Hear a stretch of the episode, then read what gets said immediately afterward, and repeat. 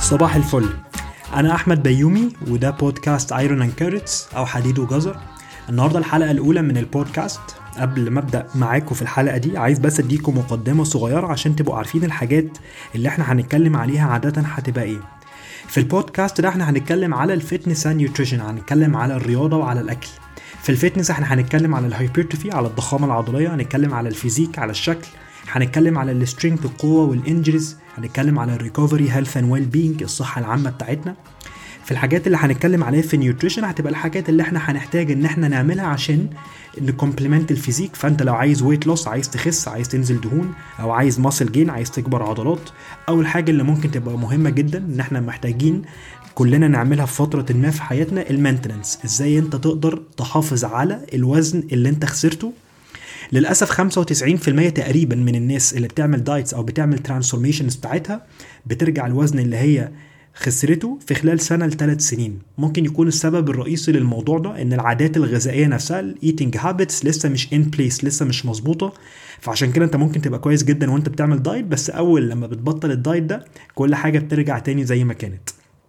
عايز اديكوا disclaimer مهم جدا قبل ما أخش في الحلقة بتاعت النهارده. هتلاقوني بتكلم بالإنجليزي وبتكلم بالعربي في نفس الوقت. السبب ده مش روشنة مني ولا عشان أنا يعني متعلم جدا. أنا من الحي السابع فيعني مفيش أي نوع من أنواع الروشنة موجود فيا. اللي شافني على الحقيقة يعني أكيد عارف الكلام ده. بس السبب عشان المصطلحات اللي أنا بستخدمها بتاعه ال exercise and nutrition science هي المصطلحات دي كلها إنجليزي مصطلحات أمريكاني وأوروبي. المصادر نفسها اللي أنا اتعلمت منها وبتعلم منها لحد دلوقتي هي مصادر كلها بالإنجليزي. فبيكون أسهل لي بكتير وأنا بتكلم في الحاجات دي إن أنا أستخدم المصطلحات زي ما أنا اتعلمتها. بس هحاول دايما إن أنا أحط بعديها المعنى اللي بالعربي عشان ما حدش بس يحس إن هو تايه مننا أو إن هو مش معانا على نفس الموجة أو حاجة. أنا مبسوط جدا إن أنتوا معايا النهارده في الحلقة الأولى. بنسبة كبيرة أنتوا تعرفوني شخصيا وإلا أنتوا ما كنتوش دخلتوا تسمعوا الحلقة دي. أو تعرفوا حد حلف عليكم إن أنتوا لازم تخشوا وتسمعوني عشان نزود ال views. ايا كان الحاله اللي إحنا بنتكلم عليها أنا مبسوط جدا إن أنتوا معايا. حت يعني أتمنى إن أنتوا تدوني feedback بعد ما نخلص الحلقة دي عشان لو في أي حاجة أنا أقدر أعدلها.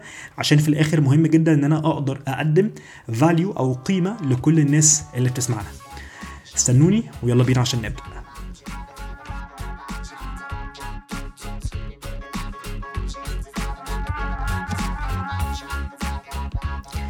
في الخمسينات في researcher اسمه جاي تايلر عمل دراسة مشهورة قوي على عدد من العمال اللي بيشتغلوا في مصنع من المصانع في الهند. تايلر قسم العمال اللي في المصنع ده لأربع أنواع على حسب المجهود اللي هم بيعملوه في خلال اليوم. كان في مجموعة بتعمل مجهود بسيط جدا مجموعة تانية بتعمل مجهود متوسط مجموعة التالتة بتعمل مجهود عالي والمجموعة الرابعة والأخيرة بتعمل مجهود عالي جدا.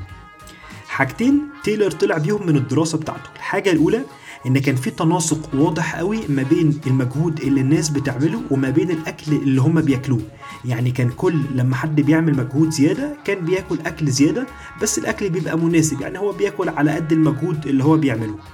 الحاجة التانية والحاجة الغريبة اللي تايلر لقاها إن المجموعة بتوع المجهود القليل قوي كانوا بياكلوا كتير قوي. تقريبا المجموعة دول كانوا بياكلوا كمية أكل على قد أو قد المجموعة بتوع المجهود العالي. في 2016 من جامعة ليدز في إنجلترا اتنين researchers واحد اسمه هوبكنز والتاني اسمه بلندل كتبوا paper كاملة عشان القصة بتاعة تايلر دي. كانوا عاوزين يوصلوا للسبب أو ال mechanism اللي بيخلي الإنسان لما بيتحرك قليل أو لما ال activity بتاعته بتبقى قليلة إن هو بياكل كتير. ما قدروش يوصلوا للسبب الرئيسي يعني ما عرفوش بالظبط هو إيه السبب اللي بيخلي حد يعمل حاجة بالشكل ده بس اللي هم توصلوا له في الآخر ال conclusion أو النتيجة في ال paper بتاعتهم في البحث بتاعهم إن الإنسان بيحصل له regulation بيحصل له تناسق أو بيحصل له ضبط لما بيبقى بيتحرك. يعني انت لما بتتحرك بيحصل ضبط للإشارات بتاعة الجوع والشبع. ولما انت الحركة بتاعتك بتبقى قليلة بيحصل dysregulation بيحصل عدم ضبط للإشارات دي. فساعتها بيحصل ان انت بتاكل زيادة عن اللي انت محتاجه. ده ممكن يفكرنا شوية بالفترة بتاعة ال lockdown الفترة بتاعة ال quarantine السنة دي في شهر أربعة وخمسة وستة لما كان معظمنا قاعد في البيت وكنا يعني قاعدين بنتفرج على أفلام وتمثيليات ورمضان والحاجات دي كلها وكان كمية الأكل اللي إحنا بناكلها كانت عالية جدا مع إن ال activity level أو المجهود اللي إحنا بنعمله كان قليل جدا. ممكن طبعا يكون بسبب الملل والقعدة في البيت وال quarantine والحاجات دي كلها بس ممكن يكون السبب الرئيسي اللي إحنا مش واخدين بالنا منه ان إن إحنا كنا بناكل كتير عشان ال activity level نفسها قليلة أو عشان المجهود اللي إحنا بنعمله نفسه قليل. مش عايزين برضو نقول إن ال activity level هي الحاجة الأساسية أو الحاجة الوحيدة في ال weight gain أو ال weight maintenance أنا مش قصدي كده بس ممكن يكون من العوامل المهمة. حاجة تانية ممكن نبقى إحنا برضو ساعات ما بناخدش بالنا منها وده تودينا لدراسة المره دي اتعملت في ويسكونسن بس برضه في 2016 الدراسة دي كانت cross-sectional study اتعملت على أو اتعملت ل survey كبير قوي كانت ال State of Wisconsin عملوه لجزء من المواطنين بتوع الولاية نفسها. كان تقريبا 1400 شخص 1400 شخص دول كانوا بيحطوا شوية بيانات زي اللي هو بياكل كم مرة بره البيت بيشرب سجاير ولا لأ بيتمرن ولا لأ الحاجات اللي بالشكل ده. بس ال researchers بتوع جامعة ويسكونسن كانوا مهتمين بحاجة معينة بس كانوا مهتمين إن هم يعرفوا عدد المرات اللي الشخص كان بياكل فيها بره البيت والوزن بتاعه. ولو العلاقة يعني كانت غريبة جدا إن كان كل لما الشخص بياكل بره البيت أكتر الاحتمالية إن وزنه تبقى زيادة بتبقى احتمالية عالية جدا. ده ممكن يودينا لحتة إن أنت لما بتاكل بره حاجات كتيرة تبقى أنت مش متحكم فيها. يعني أنت مش متحكم في كمية الأكل اللي أنت بتاكلها. الاحتمالية الأكبر لما أنت بتاكل بره إن أنت هتاكل حاجة فيها processed carbs أو نشويات مصنعة هتاكل حاجة فيها دهون كتيرة هتاكل حاجة فيها سكر كتيرة. احتمالية الكبيرة إن أنت هتاكل فاكهة قليلة وخضار قليل لو أنت بتاكل بره كتير. بس ده برضو مش عايزه يخلينا إن إحنا نبص للأكل مجرد بس إن إنت بتفكر فيها calories in و calories out إن إنت بتاكل calories وبتحرق calories النتيجة بتاعة المعادلة دي هي اللي بتحدد إنت بتتخن ولا بتخس. صح. دي الحاجة الأساسية اللي إحنا المفروض نفكر فيها النهاردة لما إحنا نبقى عايزين نحافظ على وزننا أو عايزين نزوده أو عايزين نقلله. بس الموضوع برضو مش straightforward أو مش مباشر للدرجة دي. عشان أشرح لكم وجهة نظري تعالوا بس اشرح لكم أو احكي لكم على دراسة تانية بس المرة دي اتعملت في South Florida من معمل دكتور بيل كيمبل واحد من أشهر الدكاترة بتوع ال exercise science في العالم. دكتور بيل كيمبل كان عنده في المعمل بتاعه مجموعة من البنات بيلعبوا physique بيلعبوا bodybuilding قسمهم لمجموعتين. مجموعة المجموعه منهم كانوا بياكلوا بروتين كتير ومجموعة كانوا بياكلوا بروتين قليل. بمعنى إن المجموعتين دول في خلال 8 أسابيع كانوا بياكلوا نفس كمية ال carbs نفس كمية النشويات. وبياكلوا نفس كمية الدهون. والمجموعتين كانوا بيلعبوا رياضة. بس مجموعة منهم كانوا بياكلوا بروتين زيادة فكانوا بياكلوا 250 كالوري من البروتين زيادة عن اللي هم محتاجينه عن ال calories اللي هم محتاجينها. وكان المجموعة الثانية بياكلوا 200 كالوري أقل عن اللي هم محتاجينه من البروتين برضه الحاجة اللي دكتور كيمبل لقاها في آخر الثمان أسابيع إن المجموعة اللي كانت بتاكل بروتين كتير خسوا fats والمجموعة التانية اللي ما كانوش بياكلوا بروتين كتير اللي كانوا عاملين deficit اللي كانوا بياكلوا أصلا قليل ولا خسوا ولا تخنوا الموضوع ده ممكن يلخبط شوية ويخلينا حتى نشك في اللي أنا كنت لسه بقوله بتاع calories in و calories out أنت بتاكل calories وبتحرق calories طب إزاي البنات دول كلوا calories زيادة من البروتين ومع ذلك إن هم خسوا؟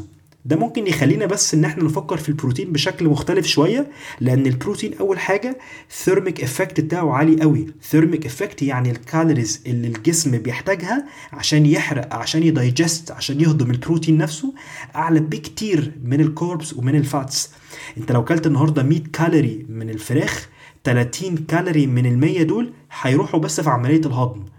لكن انت لو لو بنتكلم على ال fats ال fats عارفة طريقها على طول. يعني هي تقريبا انت بتستهلك 0% لحد 3% calories عشان تهضم ال fats. هي داخلة على طول على الجناب مش رايحة في حتة تانية.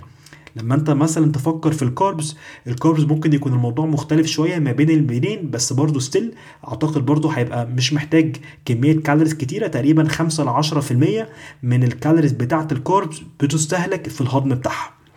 ده يخلينا نفكر في البروتين إن هو محتاج calories كتيرة عشان يتهضم وهو كمان لما بيخش الجسم هو عنده سكك كتيرة قوي قبل كمان ما يتخزن كدهون.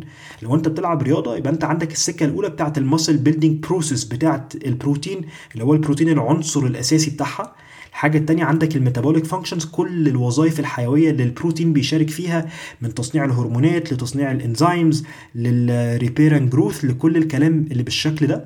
الحاجة التالتة أنت في الآخر لو غطيت الحتتين اللي في الأول ممكن ت derive طاقة أو ممكن تاخد طاقة من البروتين. الحاجة اللي بعد كده إن البروتين ده ممكن يتحول لسكر أو ممكن يتحول لجلوكوز في الدم.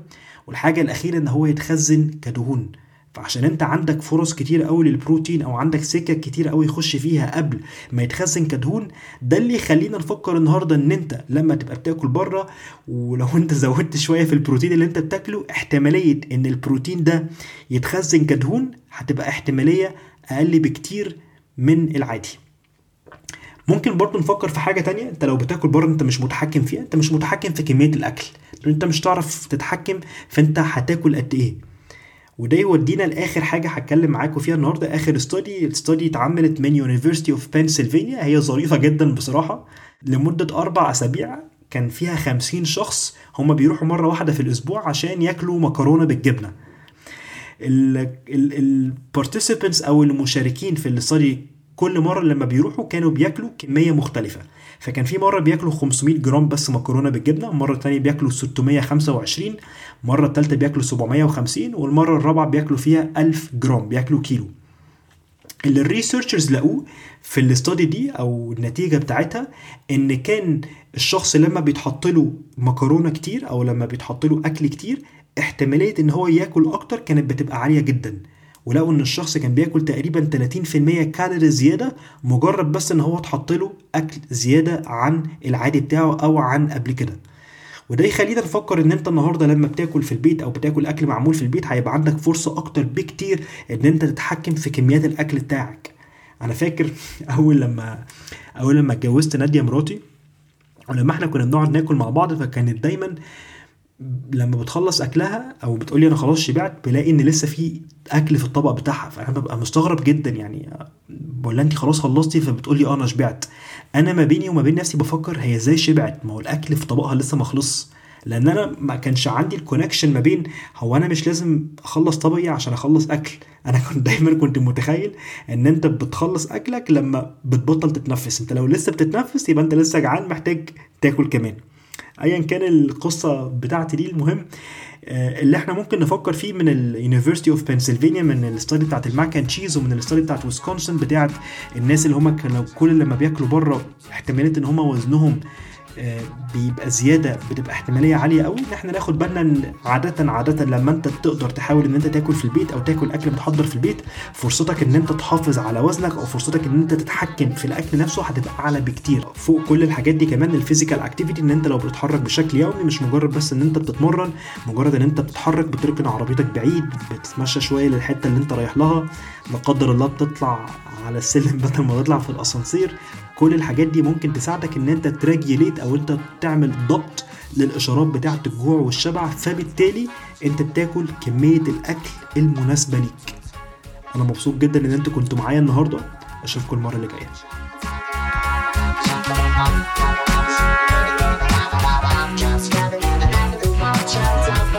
Just